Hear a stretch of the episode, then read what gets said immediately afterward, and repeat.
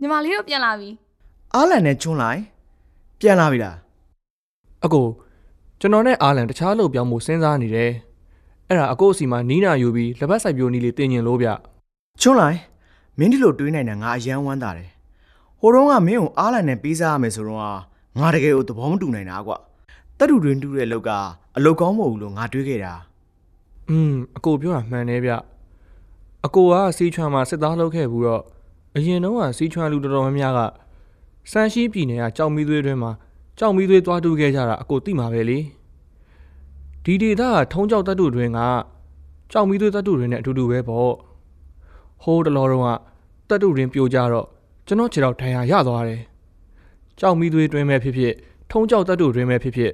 ကျွန်တော်တို့စီကတောင်းနေပြိုးသွားပြီးရေအရင်မြင့်ညဉ့်ညမ်းသွားတာပဲရှိတယ်။ရေရှည်အတွက်ကောင်းတဲ့ကိစ္စမဟုတ်ဘူး။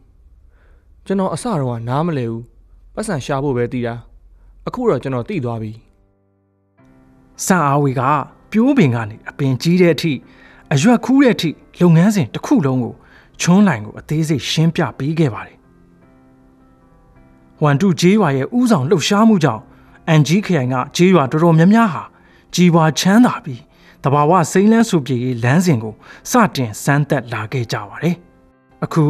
ဟွမ်တုဂျေးရွာသားတွေရဲ့ဘဝကဘလို့အခြေအနေဖြစ်နေပြီလို့ထင်လဲ။သူတို့ရဲ့စကားနဲ့ပြောရမယ်ဆိုရင်တာမန်တက်တာခြောင်ချိတဲ့ဘဝမဟုတ်တော့ဘဲနဲ့အတော်ကြီးကိုတက်တာခြောင်ချိတဲ့ဘဝဖြစ်နေပါပြီ။ဒီစကားပုံကြီးချက်ပြောနေတာမဟုတ်ပါဘူး။ဟွမ်တုဂျေးရွာကတောင်သူကြီးတဦးရဲ့အိမ်ဝင်းခြံထဲမှာရပ်ထားတဲ့ကားကိုကြည့်ယုံနဲ့သိနိုင်ပါတယ်။အိမ်တိုင်းလိုလိုမော်တော်ကားအသေးတစ်စီးရှိယုံတာမက ကုန်တယ်ကားတစ်စီးလည်းရှိနေပါတယ်။တချို့ဆိုရင် မော်တော်ကား၄၅စီးရှိနေပါတယ်။ဟွမ်တုဂျေးရွာကနေတောင်ပေါ်ကိုသွားမယ်ဆိုရင်ဟွမ်တုဂျေးရွာရဲ့ဧကတောင်းချီကျယ်ဝန်းတဲ့လက်ဖက်ခြံရှုခင်းကြီးပဲဖြစ်ပါတယ်။တထောင်လုံးနေရအနှက်အစိမ်းရောင်တွေဖုံးလွှမ်းနေပြီးတောင်ကုန်းအနှိမ့်မြင့်ကိုလိုက်ပြီးစိမ့်ဆူတောက်ပကတိတ်ဆိတ်အေးချမ်းနေပါတယ်။တောင်ထိပ်ပေါ်မှာ ကြီးမားထူထပ်တဲ့ကြောက်စာကပြေးတစ်ခုထောင်ထားပါတယ်။ကပြေးကြောက်တိုင်ပေါ်မှာတစ်ရွက်တစ်ရွက်ဖြင့်လူလူတရက်ကျွယ်ဝစေသည်ဆိုတဲ့စာလုံးကြီးရေးထိုးထားပုံဟာဂုံယူစရာကောင်းပြီးလေးစားဖွယ်ရာကောင်းတယ်လို့ခံစားရစေပါတယ်။ဒီစာတန်းဟာကျွန်တော်တို့ဒီကနေ့ပြောပြတဲ့ဟွမ်တုဂျေးရွာပုံပြင်လေးရဲ့အသက်ပါပဲ။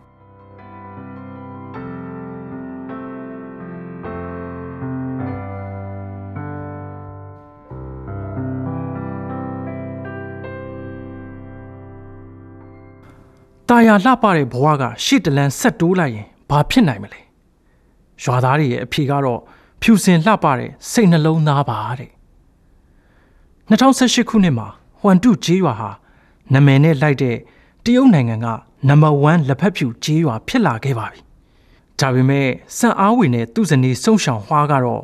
ချိန်ချွမ်းခရိုင်မှာရှိနေတဲ့လောင်စုံတို့မိသားစုနဲ့ကုကျင်ရွာကရက်သူရွာသားတွေကိုအမြဲတတိရနေပါတယ်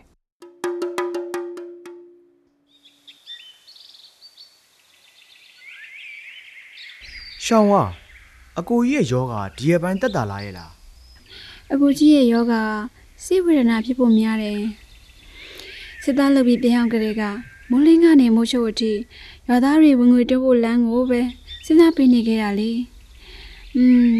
ကုချင်ရွာသားစင်းရဲတွင်းတွေကထွက်နိုင်တဲ့တနေ့သူယောဂတတ်တာပြကင်းသွားလိမ့်မယ်လို့ထင်ပါရဲ့ဒီရက်ပိုင်းမှာ TV တွေကနေအတွင်းမှုချုပ်ကနေရာအနှံ့မှာဆင်းရဲမွဲတင်မှုတွေပပျောက်ရေးကိုလေးလာစစ်ဆေးနေတာအမြဲတွေ့ရတယ် 2003ခုနှစ်တုန်းကကိုတို့ရွာကိုအတွင်းမှုချုပ်ရှီလာခဲ့တုန်းကသူ့ဘေးနားမှာကိုရက်နေခဲ့ရလေနိုင်ငံတော်ကဆင်းရဲမွဲတင်မှုပပျောက်ရေးကိုဒီလိုအလေးထားနေမှာတော့ကိုတို့လည်းကုကျင်ရွာရက်သူရွာသားတွေဆင်းရဲတဲ့ကအမြန်ရုံထွက်နိုင်မှုတရတအားကူညီပေးရမယ်ဒီလိုပြောပြီးတဲ့နောက်မှာစံအားဝေဟာတထောင်လုံးပြန့်နှံ့နေတဲ့လက်ဖက်ခြံကိုကြည်ရင်အတွေးနှင်မျောသွားခဲ့ပါတယ်။လေးငါးရက်ကြာပြီးတဲ့နောက်မှာစံအားဝေဟာရွာထဲကပါတီဝင်တွေနဲ့အစည်းအဝေးလုပ်ဖို့ဆုံးဖြတ်လိုက်ပါတယ်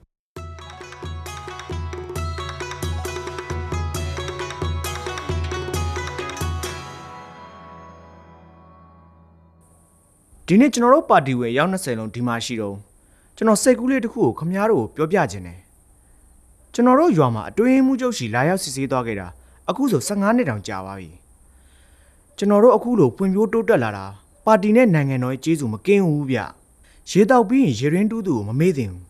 ကြီးပွားချမ်းသာလာရင်ပါတီရဲ့ကျေးဇူးကိုမမေ့သင့်ဘူးဗျကျွန်တော်တို့ရဲ့ဘဝတွေကောင်းမွန်လာပြီဆိုတော့ကျန်တဲ့စင်းရဲကြက်တဲတဲ့နေရာဒေသတွေကိုကျွန်တော်တို့ကူညီပေးရမယ် ကျွန်တော်တို့လက်ဖက်ပြိုးပင်တွေကိုအနောက်ပန်းကကြက်တဲတဲ့လူတွေကိုလှူဒန်းပေးရင်မကောင်းဘူးလားဗျာအာရတယ်ပေါ့ရတယ်လေပြဿနာမရှိဘူးကောင်းတဲ့ကိစ္စပဲဟုတ်တယ်သဘောတူတယ်ကောင်းတယ်ကောင်းတယ်2018ခုနှစ်အေဘီလမှာတော့ဝမ်တုဂျေးရွာကတောင်သူလယ်သမားပါတီဝင်အယောက်20ဟာတရုတ်နိုင်ငံတော်ခေါင်းဆောင်ရှီကျင့်ဖိန်ထံစာရေးပို့ပြီးရွာတွေကလက်ဖက်ဖြူစိုက်ပျိုးကကြီးပွားချမ်းသာလာကြတဲ့အခြေအနေနဲ့စင်းရဲကြက်တီးနေတဲ့ဒေသကပြည်သူလူထုကို စင်းရဲတွင်ကလွတ်မြောက်အောင်လက်ဖက်ပြိုးပင်ပေါင်း15တန်းကိုလှူဒန်းလိုကြောင်းတင်ပြခဲ့ပါတယ်2018ခုနှစ်မေလမှာတော့တရုတ်နိုင်ငံတော်သမ္မတရှီကျင့်ဖိန်ကဝမ်တုဂျေးရွာသားတွေစီစာပြန်ခဲ့ပါတယ်ရေတောက်ပြီးလင်ရေရင်းတူးသူကိုမမေ့တင်ဘူးကြီးပွားချမ်းသာပြီးလင်ပါတီကျေးဇူးကိုမမေ့တင်ဘူးဒီစကားလေးကတဟိတ်ကိုကောင်းပါတယ်ကျေးဇူးတရားသိတတ်ဖို့အတွေ့ ပါတီကျေးဇူးမမေ့တင်တဲ့အတွေ့ကိုပိုအားကောင်းစေတယ်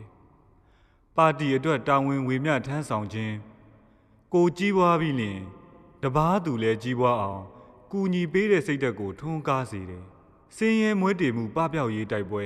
အနိုင်ရဖို့အတွက်အလွန်အတိတ်ပဲရှိပါတယ်ဒီလိုစာပြန်တဲ့အကြောင်းဟာတည်င်းပြန့်သွားခဲ့ပြီးဟွမ်တုရွာတစ်ခုလုံးပွက်လောရိုက်သွားခဲ့ပါတယ်။တရွာလုံးချက်ချင်းလှုပ်ရှားလာကြပြီး ဆင်းရဲနွမ်းပါမှုလျှော့ချရေးနိုင်ငံတော်ကောင်စီရုံးရဲ့အကူအညီနဲ့နောက်ဆုံးမှာဟွမ်တုဂျေးရွာကလက်ဖက်ပြိုးပင်ပေါင်း15တန်းကိုတရုတ်နိုင်ငံအနောက်ပိုင်းကပြည်နယ်3ခု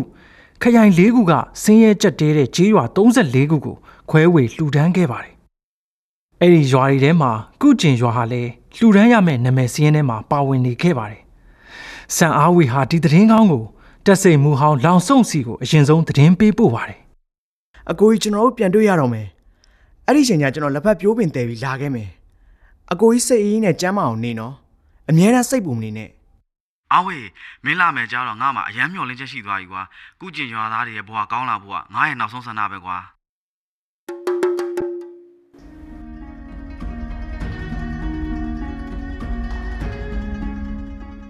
ဒီရဲဘော်ရဲဘက်ဟောင်းနှစ်ဦးဟာမကြခင်စုံတွေ့ရဖို့အတွက်အလွန်စိတ်လှုပ်ရှားဝမ်းသာနေမိပါတော့တယ် 2018ခုနှစ်ဇွန်လမှာတော့စီချွမ်ပြည်နယ်ချိန်ချွမ်ခရိုင်ဟာကူညီလှူဒန်းမှုလှုပ်ရှားရေးရဲ့ပထမအသုတ်စမ်းသပ်ကူညီမှုခရိုင်ဖြစ်ခဲ့ပါတယ်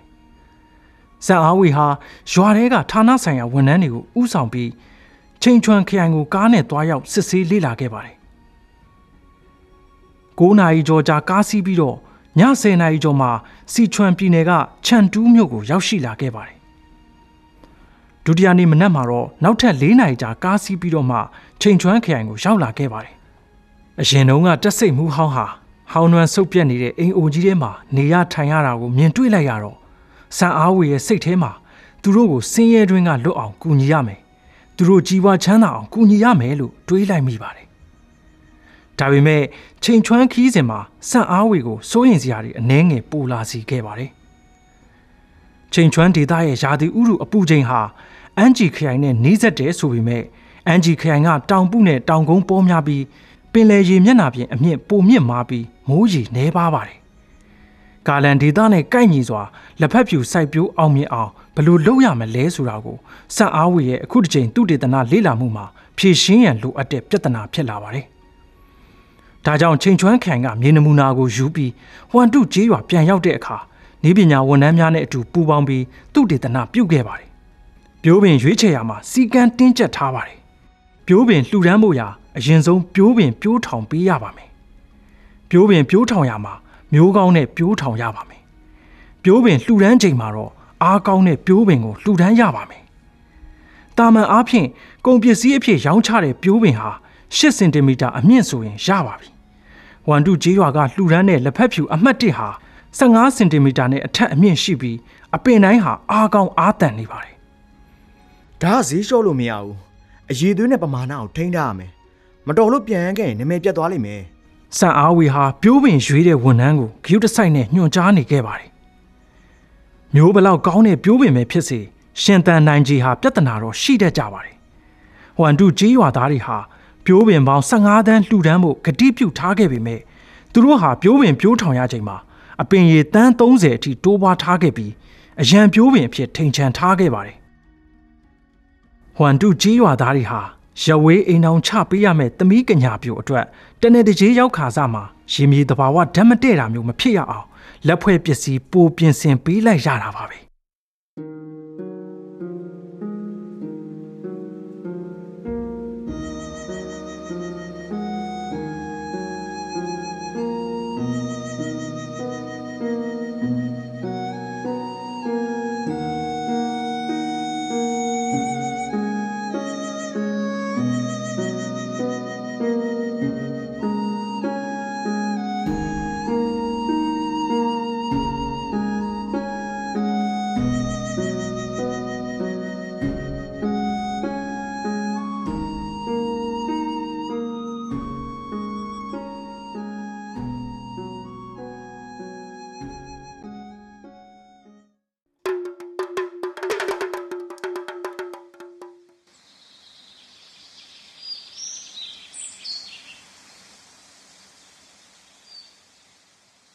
2018ခုနှစ်အောက်တိုဘာလ18ရက်နေ့မနက်အာယုံ9နာရီအချိန်မှာအလင်းရောင်အနှဲငယ်ထွက်ပေါ်လာပါပြီ။ဟွမ်တုကျေးရွာရဲ့ရွာထိပ်မှာတော့တေးရွက်တရွက်ဖြင့်လူလူတရက်ကျွယ်ဝစေသည်လို့ဆိုတဲ့ကျဲချမ်းပြည်နယ်အန်ဂျီခရိုင်လက်ဖက်ပြိုးပင်လှူဒန်းမှုကိုကျင်းပနေပါတယ်။အလျား9မီတာဝန်းကျင်ရှိတဲ့လက်ဖက်ပြိုးပင်10တန်းတင်ဆောင်ထားတဲ့အေးကန်ကားတစ်စီးဟာကျဲချမ်းပြည်နယ်အန်ဂျီခရိုင်ဟွမ်တုကျေးရွာကနေစတင်ထွက်ခွာခဲ့ပြီး ကျဲချမ်းပြည်နယ်သားတွေရဲ့စိတ်စေတနာကောင်းတွေကိုတင်ဆောင်ကစီချွမ်ပြည်နယ်ချိန်ချွမ်းခရိုင်ကိုမောင်းနှင်ပြီးကြီးပွားချမ်းသာရေးမျှော်လင့်ချက်ကိုအဲ့ဒီဒေသကပြည်သူလူထုစီယူဆောင်ပေးနေပါတယ်။လက်ဖက်ပြိုးပင်ဖိမိမှာစိုးလို့ဟွမ်တုကျေးရွာသားတွေဟာဝါးနဲ့လှုပ်ထားတဲ့ညမ်းပေါင်တွေနဲ့လက်ဖက်ပြိုးပင်တွေအရွက်အခန့်ဆန့်တန်းစီနေအောင်နေရာချထားပါတယ်။လက်ဖက်ပြိုးပင်ဟာအပူချိန်မြင့်မားတဲ့တံကိုမခံနိုင်တာကြောင့်ရွာသားတွေဟာအေးကန်ကားကိုငှားရမ်းခဲ့ပြီး ဘောက်စ်ကားအတွင်းမှာအပူချိန်ကို9ဒီဂရီစင်တီဂရိတ်ဝန်းကျင်သာရှိအောင်ထိန်းပေးထားပါတယ်။ဝန်တုကြီးရွာသားတွေဟာဒီလက်ဖက်ပြိုးပင်ကိုရဝေးမှာအိမ်အောင်ချပေးလိုက်ရတဲ့သမီးကညာလိုပဲသဘောထားခဲ့တာအမှန်ပါပဲ။ဒါပေမဲ့စိုးရင်ရတဲ့ပြဿနာကပေါ်ကိုပေါ်လာပါတယ်။လက်ဖက်ဖြူပြိုးပင်ဟာရေလိုအပ်ပေမဲ့များလုံးရင်လည်းမရတယ်လို့နဲလုံးလို့လည်းမရပါဘူး။ဒါပေမဲ့ ချိန်ချွမ်းခရိုင်ကုကျင်ကြီးရွာကလက်ဖက်ချံဟာပင်လေရီမျက်နှာပြင်အထက်မြင့်မားတာကြောင့်ရေတည်ယူဖို့မလွယ်ကူပါဘူးလက်ဖက်ပြိုးပင်ကာကွယ်ပို့ဆောင်ရတဲ့ဟွမ်တုကြီးရွာသားနဲ့ကုကျင်ကြီးရွာသားဟာရွာထဲမှာရေစုပ်ဆက်စခန်းတစ်ခုတိစောက်ပြီးမြစ်ရေကိုတောင်ကြီးကနေတောင်လေထိစုပ်ယူကာလက်ဖက်ဖြူစိုက်ပျိုးရေးရဲ့လိုအပ်မှုကိုဖြည့်ဆည်းဖို့ဆုံးဖြတ်ခဲ့ကြပါတယ်တီးတန့်ဖော်ဆက်ထားတဲ့အမြင့်ပေါက်စိမ့်မုံကိုရေထဲထည့်ဖြောလိုက်မယ် ပြီးမှအမှုန့်ကျိတ်ထားတဲ့ရှုံဝါးမြေနဲ့ရောမယ်ပြီးတော့မှ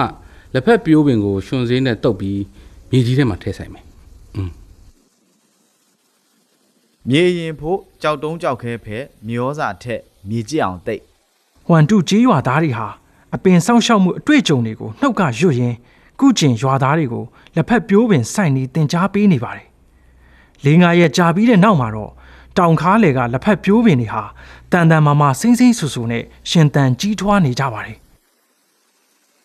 ရဝေးကလာရောက်တဲ့တံမိုးကြီးတဲ့လက်ဖက်ဖြူဟာချိန်ချွမ်းမှာအမြင့်တွေခြေချနိုင်ခဲ့တာကိုမြင်တော့ကုကျင်ရွာသားတွေဟာ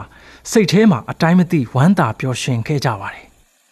အစတော့ကလက်ဖက်ပြိုးပင်တွေမရှင်မစိုးရိမ်နေခဲ့ကြတာအခုတော့ကောင်းကောင်းရှင်သန်နေတာပဲကြည်စမ်းမအောင်ဗျာဒုတိယနှစ်မေလဆန်းမှာတော့ ချိန်ချွမ်းခရိုင်ကိုလှူဒန်းတဲ့လက်ဖက်ပြိုးပင်တွေဟာ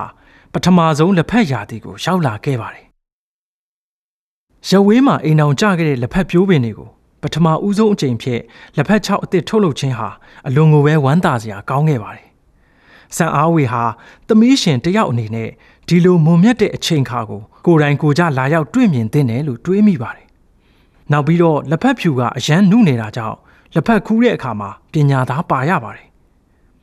လက်ဖက်ခူးညံ့သွားခဲ့ရင်လက်ဖက်ချောက်ကောင်းဖြစ်အောင်ကုံကြောလုံနိုင်မှာမဟုတ်ပါဘူး။ကုံကြောလုံရခြင်းကလည်းနည်းပညာပါတဲ့အလုပ်ပါ။အချိန်လူသွားရပါတော့မယ်။လက်ဖက်ခင်းထဲကိုမရောက်မချင်းစိတ်အေးရမှာမဟုတ်ပါဘူး။ဆန်အားဝေဟာနည်းပညာဝန်ထမ်းတွေကိုခေါ်ပြီးချိန်ချွမ်းခရိုင်ကိုနောက်တစ်ချိန်ထပ်ရောက်လာပါတယ်အားဝေးမင်းလာမယ်ကြတော့ငါမှအယမ်းမျောလင်းချက်ရှိသွားပြီကွာကုကျင်ရွာသားတွေရဲ့ဘဝကောင်းလာဖို့ကငါရဲ့နောက်ဆုံးဆန္ဒပဲကွာ ကိုကြီးကလည်းဒီလိုမပြောပါနဲ့ဗျာဘသူမဆိုခက်ခဲတော့ရှိတတ်ကြတာပဲမလားအချင်းချင်းရိုင်းမဲကူညီပြီးအတူတူနီးလဲရှာရင်တော့အခက်ခဲကိုကြော်ပြတ်နိုင်မှာပဲလေ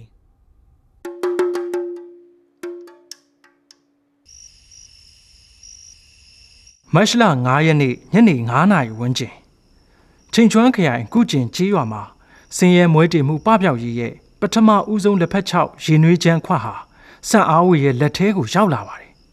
စံအားဝေဟာဖန်ခွက်ကိုလှမ်းယူလိုက်ကအตาရမလိုက်ပြီးရေနွေးချမ်းအယောင်ကိုကြည့်လိုက်ပါတယ်တငုံတော့တောက်ကြည့်ပြီးတော့အပြုံးပေါ်လာတော့မှစိတ်ထဲကအပူလုံးကြီးကျသွားပါတော့တယ်လောင်ဆုံးဟာစံအားဝေရဲ့လက်ကိုကိုင်းပြီးစကားမပြောနိုင်လောက်အောင်စိတ်လှုပ်ရှားဝမ်းသာကခေါင်းတငိမ့်ငိမ့်လှုပ်နေပါတယ်လက်ဖက်ဖြူပြိုးပင်ရဝေးအိမ်အောင်ချမှုမှာအောင်မြင်တာကိုမြင်ပြီးတော့ စံအားဝေနဲ့အတူလိုက်ပါလာခဲ့တဲ့ဟွမ်တုကျေးရွာသားတွေဟာလည်းကုကျင်ရွာကလက်ဖက်တောင်သူတွေနဲ့ဖြတ်တန်းလာခဲ့တဲ့အတွေ့အကြုံအဖြစ်အပျက်တွေကိုတယောက်တစ်ခွန်းဝေမျှပြောဆိုနေကြပါတယ်ကျွန်တော်တို့လည်းဆင်းရဲဘူးလေဗျအရင်တော့ကကျွန်တော်တို့သိရသည်စိုက်ခဲ့ကြတယ်အထွက်မကောင်းဘူးလေပြောင်းရတာပေါ့ဘေဘယ်ရီသည်စိုက်တယ်ရောင်းမထွက်ပြန်ဘူးမယုတ်ပြီးတော့အဆင်ပြေမှာပါလေဆိုတော့လေအလကားပင်ပန်းသွားတာပဲရှိတယ်ကနမပန်းစိုက်တာမဆိုးဘူးလို့ကြားတော့စမ်းကြည့်ပြန်ရော နောက်တော့ဒီလက်ဖက်ချောင်းနဲ့ထိတွေ့မိခဲ့တာပေါ့ကျွန်တော်တို့လည်းအားဝင်နဲ့လိုက်ဆန်းစိုက်ကြည့်လိုက်တော့မှအောင်မြင်သွားတာဘာပဲဖြစ်ဖြစ်ကျွန်တော်တို့ကတော့မရက်နိုင်တော့ဘူးဗျာအများတန်းဒုက္ခရှာနီးလန်းမျိုးစုံကြံတဲ့ထားလိုက်ပါတော့ဘလို့ဖြစ်ဖြစ်ဆင်းရဲမဲ့ကံပါလို့ဆင်းရဲတာလို့တွေးနေတာမှားနေတယ်ဗျကျွန်တော်တို့ဘလို့ဖြစ်ဖြစ်